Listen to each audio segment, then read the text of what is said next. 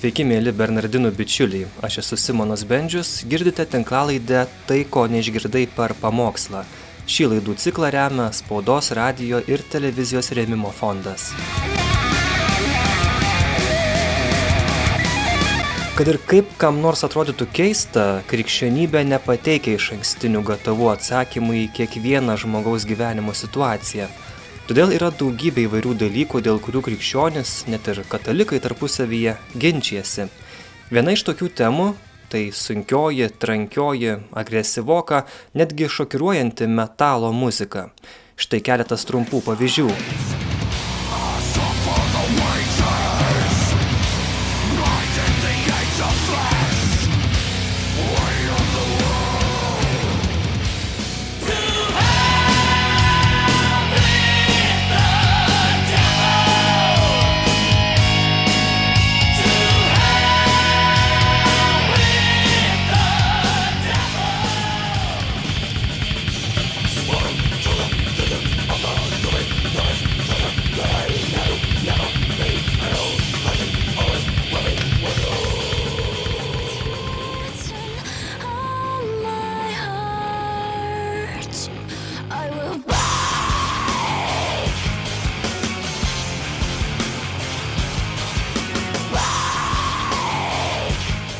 Spėkit, kas vienyje šias grupės ir atlikėjus, kuriuos dabar išgirdot.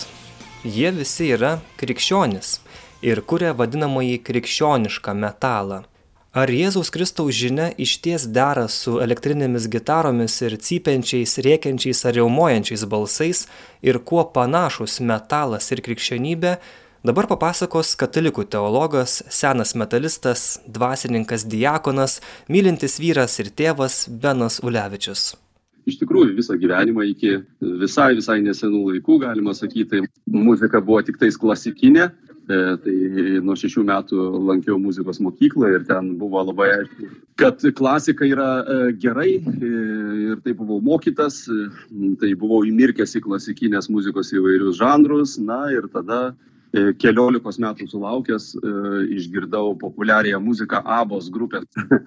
Tai ABBA e, tapo mano viena mylimiausių grupių, tai aišku yra pop muzika, bet paskui iš karto nėriau, labai labai greitai nėriau į hard rocką, metalą e, ir mano grupė tapo Kiss e, labai labai labai ilgam laikui ir daugybė, daugybė, daugybė kitų to metų, kas buvo prieinama, kokios grupės. Tai klausiausi tik sunkios muzikos ir dešimtis metų beveik galima sakyti neklausiau nei pop, nei repo, nei nieko kito. E, Tai, nu ką, gana vienpusės žmogus, reikia pasakyti turbūt.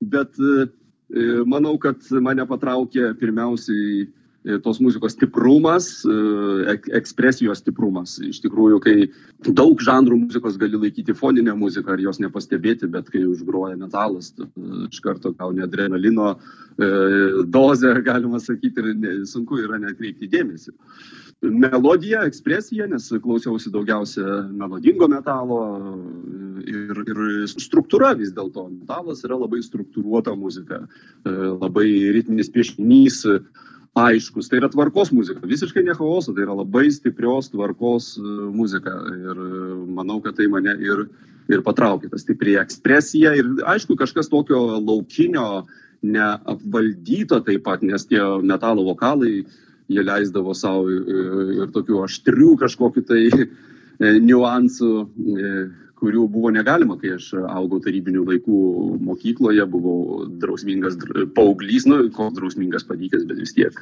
Tos išraiškos buvo keistos, naujos, netikėtos, buvo ir protesto forma. Kita vertus, jeigu nori kažkokią stiprią idėją išreikšti ir išreikšti ją stipriai, e, metalas vis tiek e, simbolizuoja tokį e, ne, neapvalintų kampų, galima sakyti, e, statementą, pareiškimą. Tai tinka ten, kur norėtųsi pasakyti, žinot, ką neviniokime į vatą maždaug. Ir štai kodėl krikščioniškos grupės lygiai taip pat jos šiandien argumentuoja, kaip metalo krikščioniškos grupės, kad na, neviniokime į vatą, e, požiūris prieiga e, tebėra aktualus, kai e, mes kuo toliau, tuo labiau lygiai taip pat mokam daugybę dalykų pavadinti kitais vardais, kažkaip užglaistyti, ir e, taip švelniai, saugiai, sklandžiai judėti į vis didesnį komfortą ir užsiliuliavimą, galima taip sakyti. Kokie būtų ryškiausi krikščioniškos sunkiosios muzikos pavyzdžiai pasaulyje? E, Aišku, krikščioniškai muzikai atsiradus e, tas fenomenas dar nebuvo toks ryškus, bet paskui labai stipriai išriškėjo bent kelios galingos grupės ir mano kriterijai iš karto yra, tai turi būti vis dėlto kažkas ir unikalaus, ir e, labai krikščioniško, ir taip pat e, e, labai kokybiško. Tai straiperiai būtų fenomenas krikščioniškos muzikos padangėje, nes visi šie reikalavimai visiškai sutampa. Tai be galo, be galo kokybiška, be galo ekspresyvi, graži, su savo išraiška, nauja tartum kultūra scenos, galima sakyti, grupė.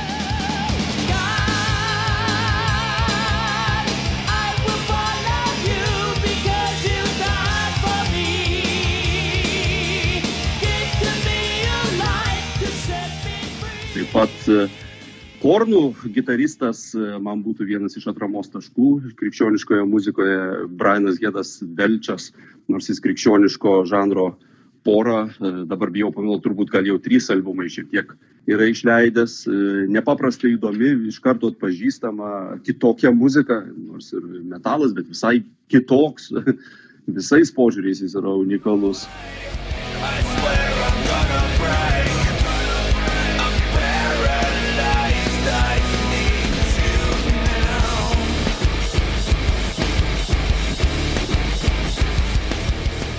Ir e, turbūt tai būtų dvi pagrindinės, nes e, toliau reikėtų jau minėti grupės, kurios tiesiog geros grupės, bet pasaulio scenui POD labai žinoma, be abejo, daug kas nustemba, nejaugi jie krikščionis. Taip, jie visiškai kaulų čiulpų krikščioniška grupė, kuri e, žinoma, žinoma visiems ir krikščionims, ir nekrikščionims.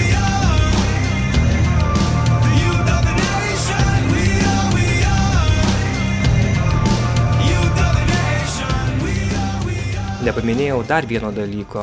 Benas Ulevičius ir pats yra muzikantas bei metalo dainų atlikėjas. Ilgą laiką jis buvo krikščioniško metalo grupės Quest Rising lyderis. Štai galite pasiklausyti, čia jis dainuoja.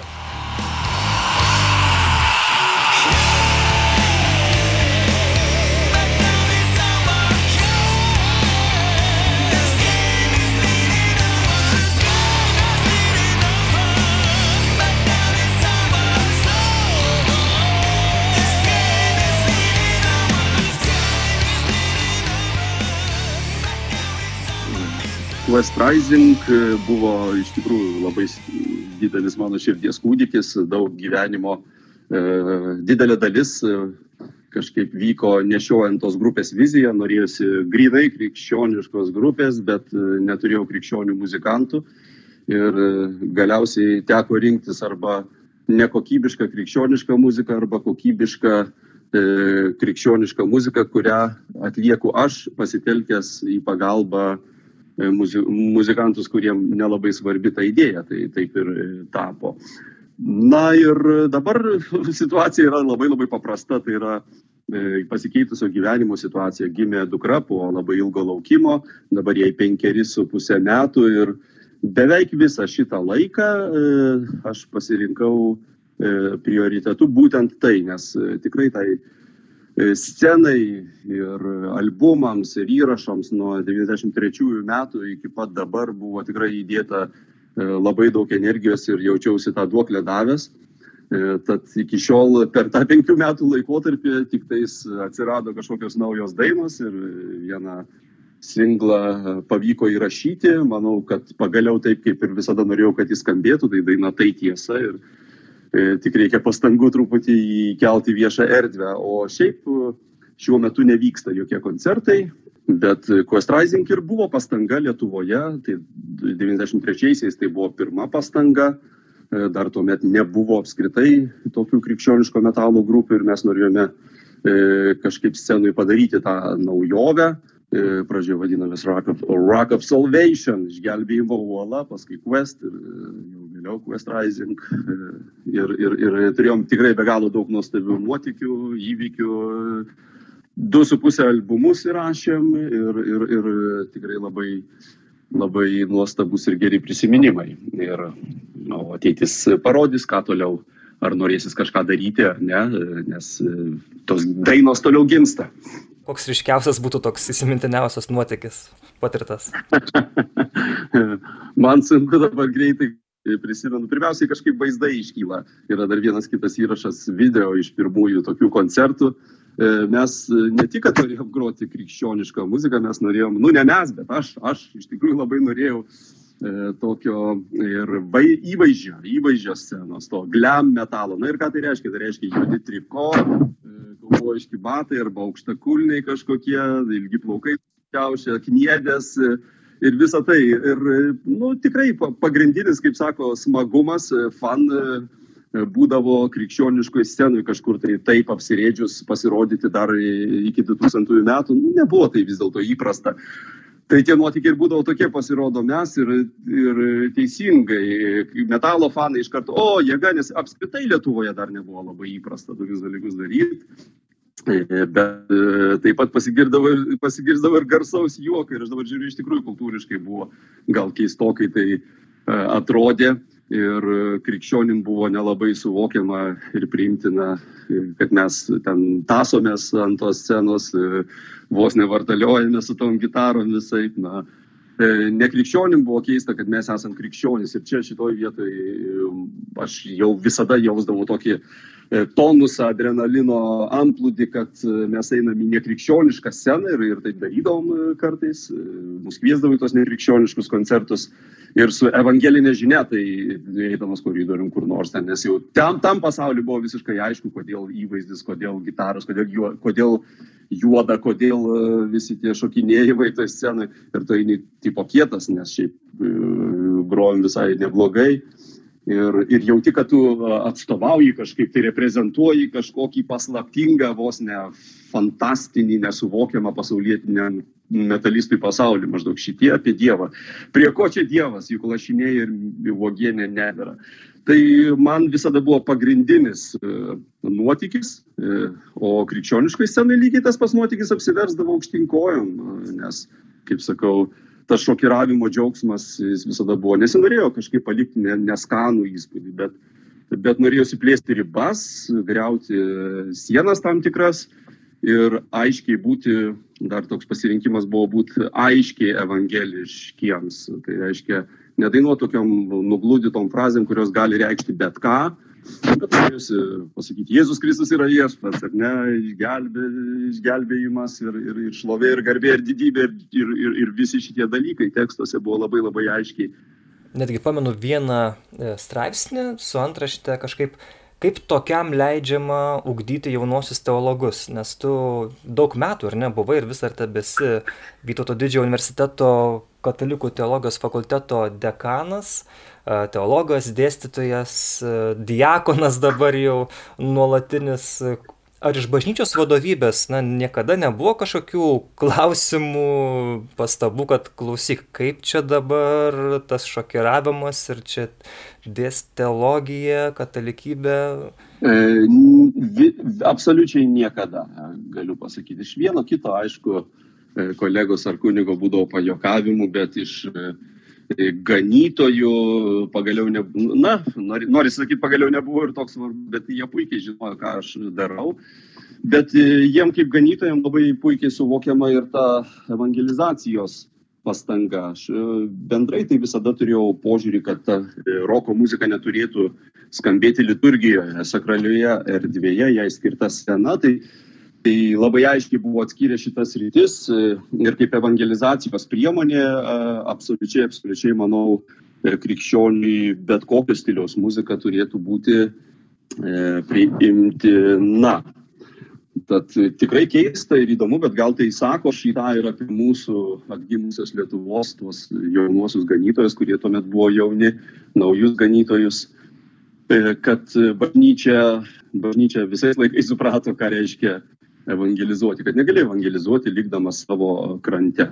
Be abejo, tai nebuvo tokia mano paties išorinė pastanga, maždaug man nepatinka metalo muzika, bet kad evangelizuoti, tai aš ją pagrosiu Bet paprastai mes į krikščionišką kelionę įnešam tai, ką esam jau e, patyrę savo gyvenime ir tas kultūrinės išraiškas ir savo dovanas, kurias tose kultūrinėse išraiškose įgyjome. Ir šiuo atveju kažkaip tai, aš manau, kad gal, gal pagūščiojimo pečiais būdavo be abejo, bet e, o ką, maždaug kaip tu, ar tu gali uždrausti sunkiai muziką, juk tai net ir nėra teologinis reiškinys iki galo ir man atrodo, kad net ir labai sveika būdavo, kad kai kurie kolegos keldavo tą klausimą, sakydavo, metalas nedėra krikščioniui, metalas yra susijęs su tokia degradavusia kultūra, kur būtinai turi būti narkotikai, palaidas seksualinis elgesys.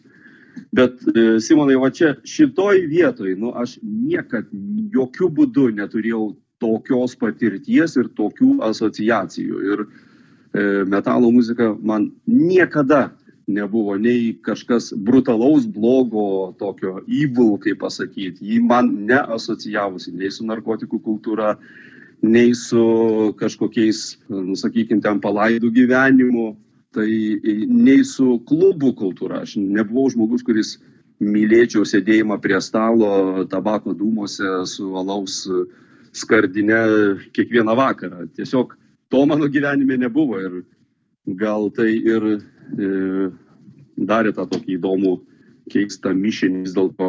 Ar įmanoma metalo muziką pateikti kaip dovana atsieta nuo visų tų neigiamų kultūrinių asociacijų, e, su kuriuom ta muzika tiesiog labai stipriai sulipusi. Čia buvo e, toks ir noras ir iki dabar jis tebėra.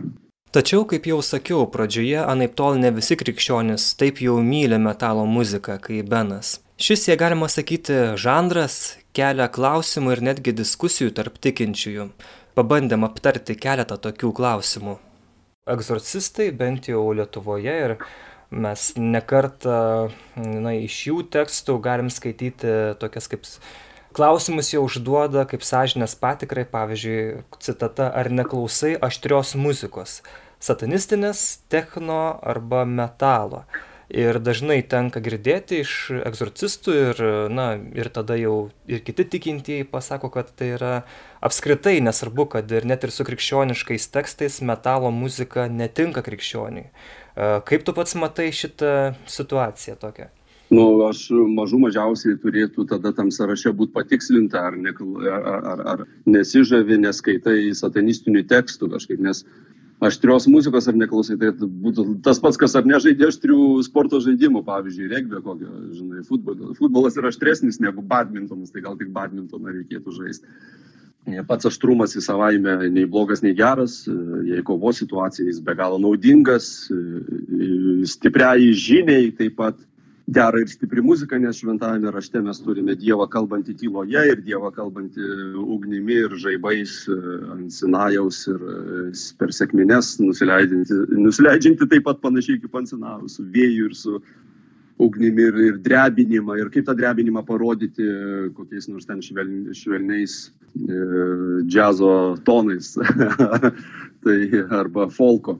E, tiesiog turi būti drebinanti muzika, turi būti ir stipri. Ir tas ir nuostabu Dievo kūrinyje, taip pat tas e, diapazonas spektras e, aspektų yra nuo tyliausio iki garsiausio, nuo bliškiausio iki ryškiausio. Ir, ir be metalo muzikos, manau, be, be aštrios muzikos, galima taip sakyti, e, tam tikra spektro dalis lieka neapimta. Mes esame visumo žmonės, kaip krikščionys ir kultūrinė prasme taip pat mums jokios išraiškos priemonės, kurios yra E, na kaip pasakyti, gerbė žmogaus orumą, jos nėra mums svetimos.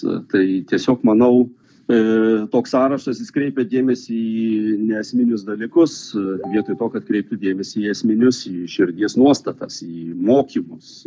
Nuo, nuo žmogaus širdies nuostatos labai daug priklauso. Kita vertus, kita vertus, vis dėlto yra grupių, kurių tekstai tokie, kad man būtų sunku suprasti, jei krikščionis su malonumu juos klausytųsi, suprasdamas, kas ten dainuojama. Tai dažnai metalo muzikoje dainuojama taip, kad tu nelabai supranti, kas dainuojama. Arba, arba tekstas, tekstų neligu jeigu vienoj, kaip sakant, yra grupių, kurios tiek mėtosi savo tematikoje, kad supranti, kad čia tiesiog kažkoks tai postmodernas arba nėra tematinės linijos. Ir e, taip, iš tikrųjų buvo mano gyvenime tokių grupių, kurios, e, e, kol aš nežinojau, apie, kodėl jos dainuoja, vat, taip, vat, kodėl jos e, dainuoja apie, apie tam tikrus tamsius siužetus, e, aš nustojau jų klausytis, kol neįsiaiškinau, kas ten yra. Pav- Pavyzdys būtų Iron Maiden e, grupė, kuri e, heavy metal, power metal klasikinė grupė, kurioje vėliau, kaip supratau ir sužinau, yra ir krikščionių muzikantų, ir, ir grupės nariai tiesiog savo gyvenimu e, gyvena normalių žmonių gyvenimą ir tiesiog aiškiai išpažįsta, kad jiem artimas visas senosios Anglijos e, pasakų ir folklorinių pasakojimų žanras, galima sakyti, elfai, fėjos ir tai yra pasakiška scena, tai tartum fantasy tipo e, kūriniai. Bet e, Simonai, man irgi labai atrodo svarbu e, kažkaip, kad na, suprastumėm, kad nu, neverta žmogui skelbti pačio metalo kaip žanro, kaip tokio, ar ne?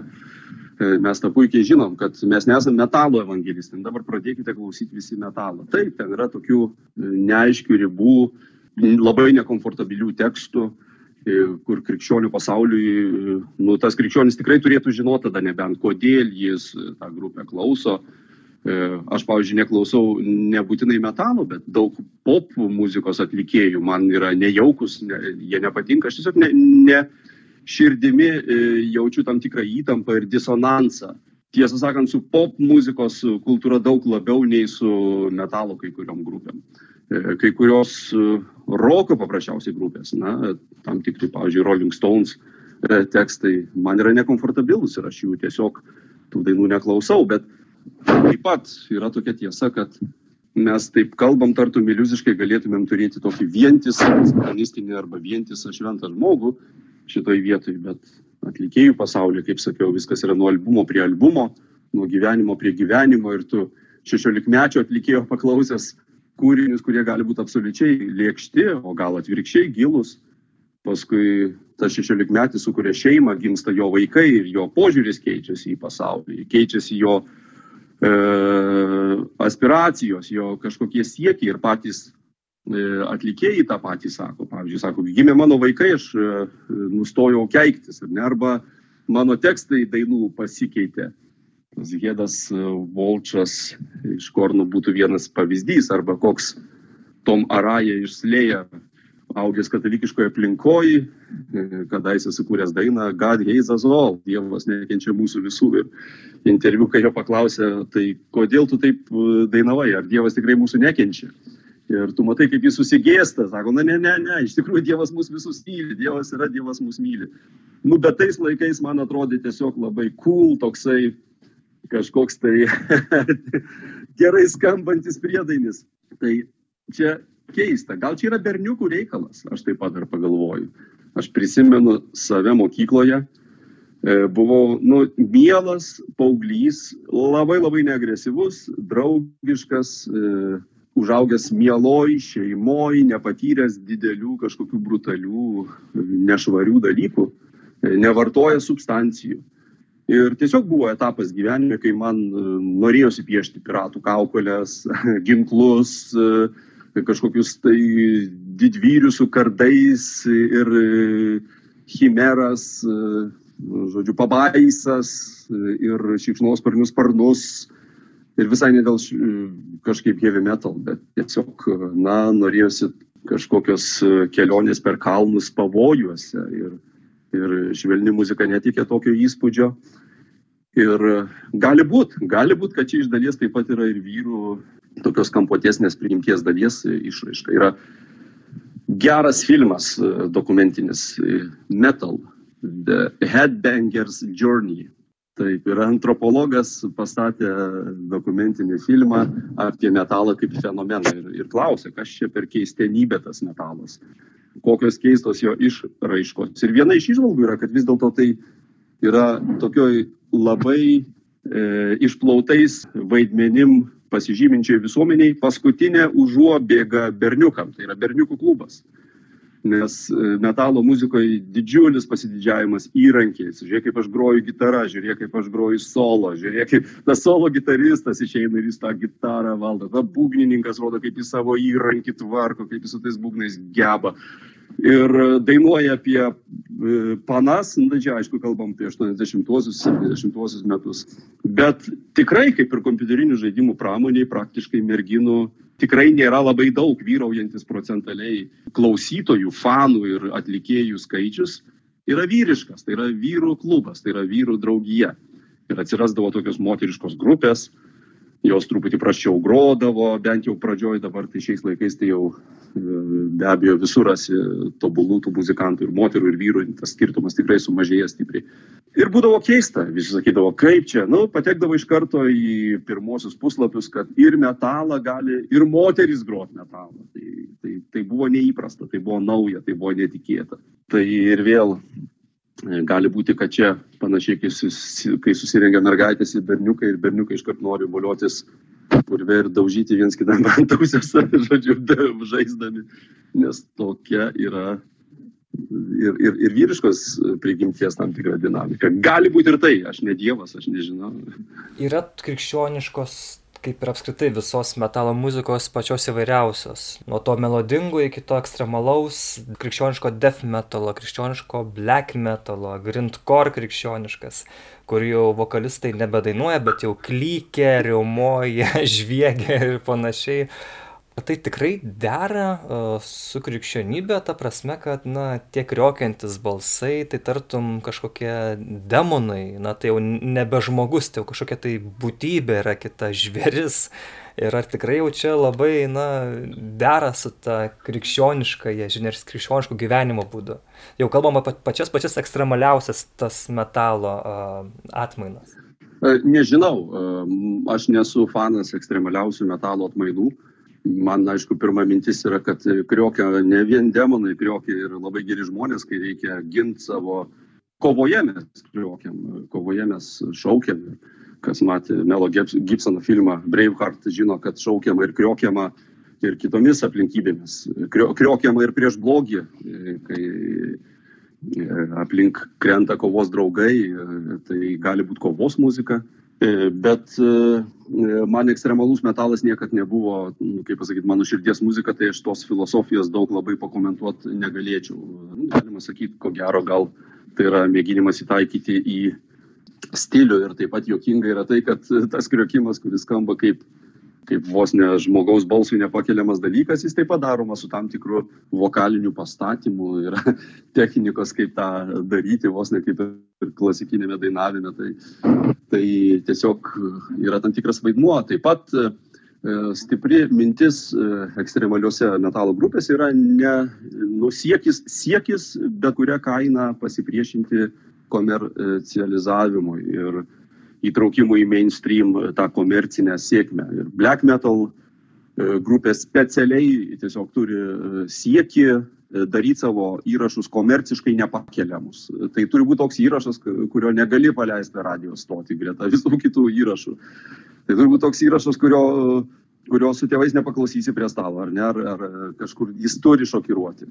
Ir čia, manyčiau, šiek tiek primena ir tam tikrų šventųjų elgesį, kurie mm mėtydavosi išmatomis, darydavo keiščiausius dalykus, juos vadindavo šventais kvailiais, todėl kad jie pajausdavo staiga, kad žmonės pernelyg juos pradeda mylėti, prie jų prisirišti ir jie vengdavo to šlovės, vengdavo to nudailinto fasado, sakydavo, kad jie baisiausiai nusidėliai ir, ir darydavo tikrai dalykus, kurių net ir ne visos ekstremalios grupės scenoje daro. Turime į šventai Pilypą Nerį? Turiu omeny daug šventųjų, jis ne vienas toks, yra daug tokių šventųjų, kurie taip e, elgesi. Pranciškus kiek yra panašių dalykų pridaręs. Tai, e, tai tiesiog, e, jeigu jau kalbėt apie tą metalą, tai ekstremalaus metalo atstovai, nu bent jau mėgsta tai pasakyti, jie mėgsta tai deklaruoti kad jie vieninteliai netampa komercinio pasaulio ekonominių tų kaukių visokių prisiderinimo producerių gniauštų įkaitais. Ir krikščionybė yra šiuo požiūriu panaši. Ji ji yra neformali. Mes kalbam apie neformalą ir neformalumą, tai tada, nu, kas e, Jonas Krikštytojas yra neformalas šiuo požiūriu. Tai yra gebėjimas plaukti prieš srovę, gebėjimas uh, supurtit, pa, pažadint ir parodyti, kad e, tas įprastas, komfortabilus, e, švelniai skambantis e, gyvenimas pilnas įprastų garsų, tai jis greičiausiai gali būti tiesus kelias į pražūtį. Žmogų nežadina įprasti garsai, žmogų nežadina jo komfortas. Tai toks brutalaus metalo pareiškimas scenoje visai greitai ir netikėtai gali staiga pasirodyti krikščioniškiausias, koks gali būti. Ir aš jokių būdų, aš nekalbu apie visas brutalaus metalo e, grupės, bet krikščioniškos taip jos tą sako. Jos sako, kad jos priešinasi mainstreaminiam gražiam viršeliam, gražiam skambesiui. E, šis pasaulis neturi ką pasiūlyti. Šio pasaulio grožis yra apsivestinis, tai yra iliuzija.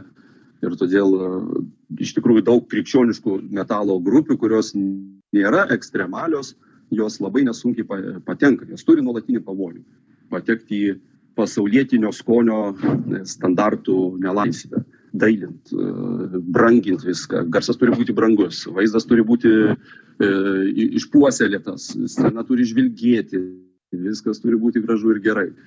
Ir čia tikrai geras klausimas. Aš nesakau, kad čia yra viskas taip atsakyta. Iš tikrųjų geras klausimas, ar krikščioniui dera siekti šitų standartų.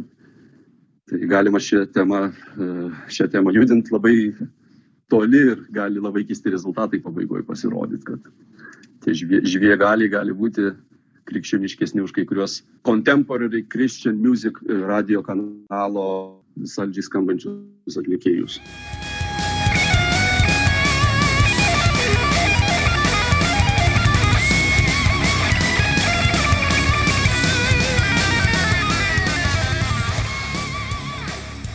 Ar gali krikščionis klausytis muzikos sunkiosios, kuri nėra krikščioniška ir kurioje netgi, gal, galima sakyti, na, abejojama Dievu, neigiamas Dievas ar netgi šaipomas iš Dievo, bet jeigu tam pačiam klausytojui, krikščioniui, na, tai nesukelia jokio diskomforto ir, na, nemažina, nesilpna tikėjimo, bet tiesiog klausosi tos muzikos dėl, na, estetinių, dėl, dėl skonio priežasčių. Mhm. Simona išvardyja kelis skirtingus dalykus ir, ir mano atsakymas irgi yra grinai, grinai subjektivus. Pirmiausia, aš manau, kad tai yra žmogaus ir, ir Dievo klausimas, nes mes tikime asmeniniu ryšiu ir čia yra panašiai jautrumas klausimo, kaip ar aš galiu klausytis muzikos, kurioje ten šaipomasi iš mano ten žmonos, pavyzdžiui, ar mylimosios. Tai E, taip, manau, kad krikščionis turi daryti tą atranką, savaime įvyksta, jis jausis nekomfortabiliai girdėdamas kai kurias dainas ir, ir, jų neklausys. E, tada jo, jo jau pasirinkimo klausimas, ar, ar, ar jis tą dainą laiko kažkokio e, netyčiuku kokio nors atlikėjo kūryboje, ar tai yra sisteminis požiūris ir tada atsisakys viso atlikėjo muzikos. Gali būti taip ir taip turėtų būti, aš manau. Tačiau uh, E, toliau mes e, jau, jau paminėjai, ten nepritarė krikščionybė arba prieštarauja krikščionybė. Tai šio, šioje vietoje aš iš karto e, klausčiau, kokiai krikščionybei nepritarė arba prieštarauja ar konkreti muzika. Ir labai dažnai tai nėra teologinė krikščionybė, tai nėra ta krikščionybė, kurią mes mylime. Tai yra tokia uh, krikščionybės parodija. Ir tai, tu supranti, akmenėlis į mūsų daržą ypatingai amerikietiškos grupės, jos labai dažnai reaguoja visai nei, nes mes e, mišių lankytojai, katalikai išgirstam tas grupės ir manom, kad jos, jom nepatinka mūsų katalikybė, e, bet iš tikrųjų jas reaguoja į TV evangelistus, e, kur į, į krikščionybę, kurioje taip pat labai daug ir skandalų, ir finansinių visokių skandalų, į TV fasado pamaldumą, į apsimestinį pamaldumą, kurio labai gali būti daug į krikščionybės kažkokias istorinės klaidas. Ir jie reaguoja, kitaip tariant, tuos dalykus, į kuriuos ir mes norėtume reaguoti, kurie ir mums nepatinka. Tai dažnai būna nemalonu klausyti, bet nemalonu iš dalies taip pat ir todėl, kad supranti, kad jie, nu kaip ir sakant, ten giliai šaknyje yra teisūs. Tiek daug mūsų deklaruojamo pamaldumo yra apsimestinis. Ir šita veidmainystė mums patogi, bet Bet e, tai tikrai labai labai nemažas e, grupių kiekis, kuris e, drįsta mestelt kažką ten krikščionių atžvilgių, jie turi omenyje krikščionybės parodiją, o ne krikščionybę. Ir tada jau čia yra grinai žmogaus pasirinkimo klausimas, manau, kaip savo gyvenime man gyventi su tokia dalimi, man ta muzika patinka. Bet aš čia visada raginčiau būti jautriu. Čia reikėtų ko gero ir neuždaryti savo maldos gyvenimo nuo tų grupių. Ir jeigu Dievo akivaizdoje kažkas prastai, e, tu negali atsinešti to į Dievo akivaizdą arba, arba e, jauti, kad tai traukia tave šalin nuo Dievo, tai absoliučiai šiukštu, jokių būdų, tada sakyčiau, daryk tą sprendimą. Gali būti žmogaus etapo klausimas, žmogaus patirties klausimas. Aš pažįstu žmonių, kurie jiem roko muzika asocijuojasi su jų labai e, prasta praeitim. Jiem pasigirdus tai muzikai, jiem kyla senosios asociacijos su klubų kultūra, su, su narkotikų vartojimu, su uh, alkoholio dideliais kiekiais, su labai slidžiais uh, moraliais santykiais. Ir tada aš tikrai rimtai klausiu, sakyčiau, na, jeigu ar tu nori atgal atsinešti visas šitas asociacijas, ar tu gali atskirti tą muziką nuo tų asociacijų. Jeigu matai, kad nelabai, tai tada e, labai suprantama, kad tos muzikos turbūt neturėtų būti tavo gyvenime tuomet. Bet taip pat yra labai daug žmonių, kurie tų asociacijų neturi ir jiems tas klausimas mažiau aštrus. Mano asmeniškai gyvenime aš tiesiog, kai atsiverčiau į, į Kristų, e, buvo tiesiog lūžis. Aš ištryniau viską, ką turėjau. Aš ištryniau savo visus pasaulietinius įrašus, man buvo aišku, kad tai yra nulinis taškas, tai yra nauja pradžia. Ir paskui gyvenant su viešpačiu, kai kurie dalykai vėl atsidūrė mano playliste, bet jie atėjo jau, e, kaip jie išlaikė papildomą egzaminą, galima sakyti. Aš juos įvertinau naujai, aš juos išgirdau iš naujo ir ten daug iš senų dalykų tiesiog jau neatsirado. Jie nebuvo man patraukus. Dar kitas filtras buvo dukros gimimas, ten naujo tipo jautrumas atsiranda. Bet e, mes samoningi žmonės ir mes krikščionis pabrėžiam tą tokį blaivų samoningumą ir taip turbūt reikėtų daryti. Tai kultūros požiūrių turbūt nėra tokių dalykų, kur galėtume sakyti, va, ši čia taip gražu ir dabar visi privalot tą klausyti. Mes taip nemanom. Mes labai tikim asmeninę brandą, kad, žmo, kad Dievas asmenina žmogų, ryškina jo veidą, nuima kaukės. Ir tai reiškia, kad kuo toliau, tuo labiau tai tampa asmeninio žmogaus pasirinkimo klausimas. Ir pagal vaisius gali pažinti pagaliau, kokius vaisius neša, kokias tendencijas žadina, kur traukia. Ir, ir aš nesakau, kad roko muzika turi traukti į maldą ir į, e, nes tada, nu kaip, galiausiai viskas taip turėtų traukti į maldą. Ir, ir bulvių plokšteinis. Bet e, nes yra dalykų mūsų gyvenime, kurie skirti tiesiog atsipalaiduoti, pasiklausyti, pasigrožėti, pasidžiaugti, pagaliau kai lyja ir niūrų už lango, gal tokį pakilėtumą, tam tikrą energijos injekciją, tai muzika tam ir gali būti skirta. Bet čia aišku tekstuali muzika, tai kai kalbam apie tekstualią muziką, e, e, kiek tu gali klausytis muzikos nekreipdamas dėmesio į tekstą, pavyzdžiui, nes kokį Vivaldį, Mozartą klausant, staiga visiems pasidaro lyg ir savaime suprantama, kad ten jau jokios atrankos nereikia daryti, nes ten intencijos lyg ir neaiškus. Kokiu būdu neaiškus, nes nėra teksto. Tai e, lygiai taip pat, jeigu tekstas tau nėra svarbus, tu jo negirdi ir girdi tik tais ritmą, muziką, gitaras, e, tai kaip daugeliu atveju metalo muzikoje galima daryti, ypač neanglakalbėms, tai tada e, tu turi identišką situaciją kaip Mozartą arba Vivaldį ar kurią nors kitą instrumentinę muziką klausant, tu klausaisi instrumentinės muzikos.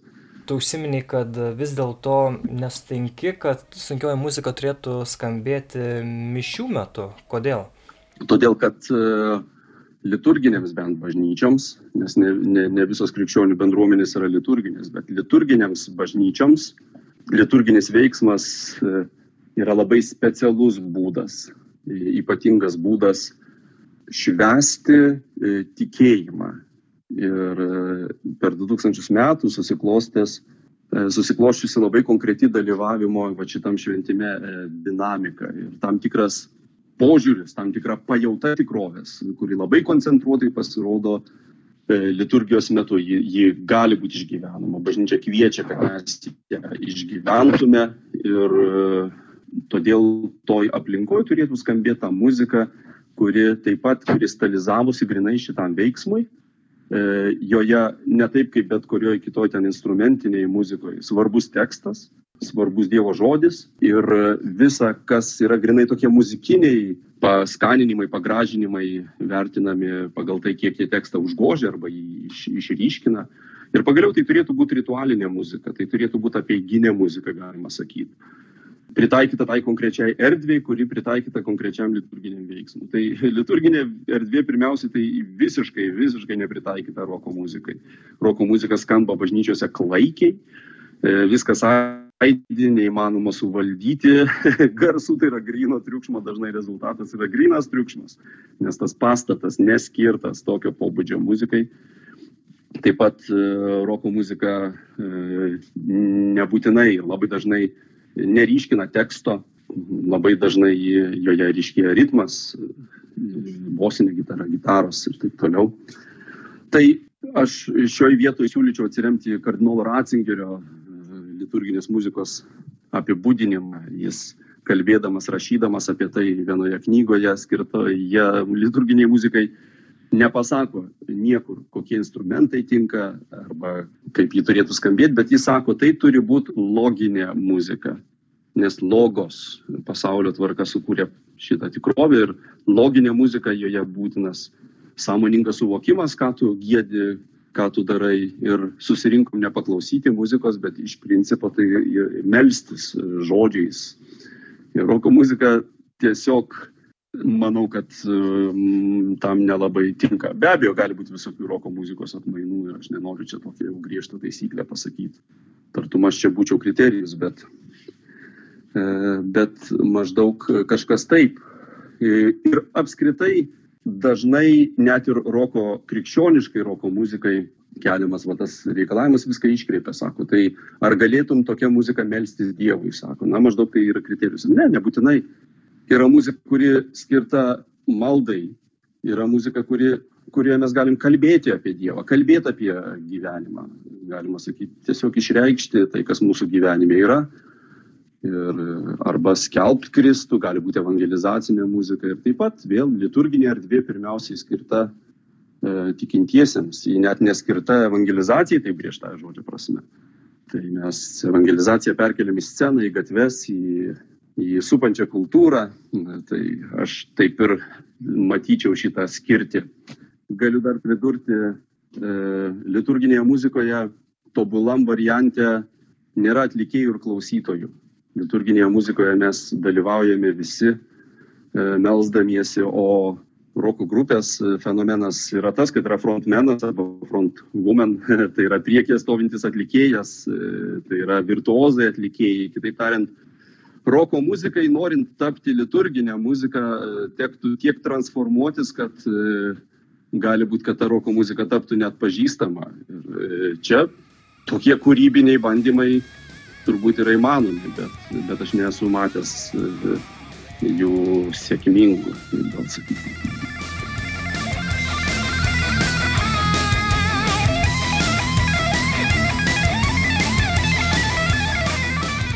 Tai buvo katalikų teologas ir metalistas diakonas Benas Ulevičius. Jį kalbinau aš Simonas Bendžius, o girdėjote Bernardinai LT tinklalaidę Tai, ko neišgirdai per pamokslą. Šį laidų ciklą remia spaudos, radio ir televizijos rėmimo fondas. Ačiū fondui ir kiekvienam iš jūsų, kurie remiate mūsų misiją. O jei norite tai padaryti, tik dar nežinot kaip, Bernardinai LT svetainėje paspauskite skiltį Paremk ir viskas bus daug aiškiau. Ačiū, kad klausėtės. Iki.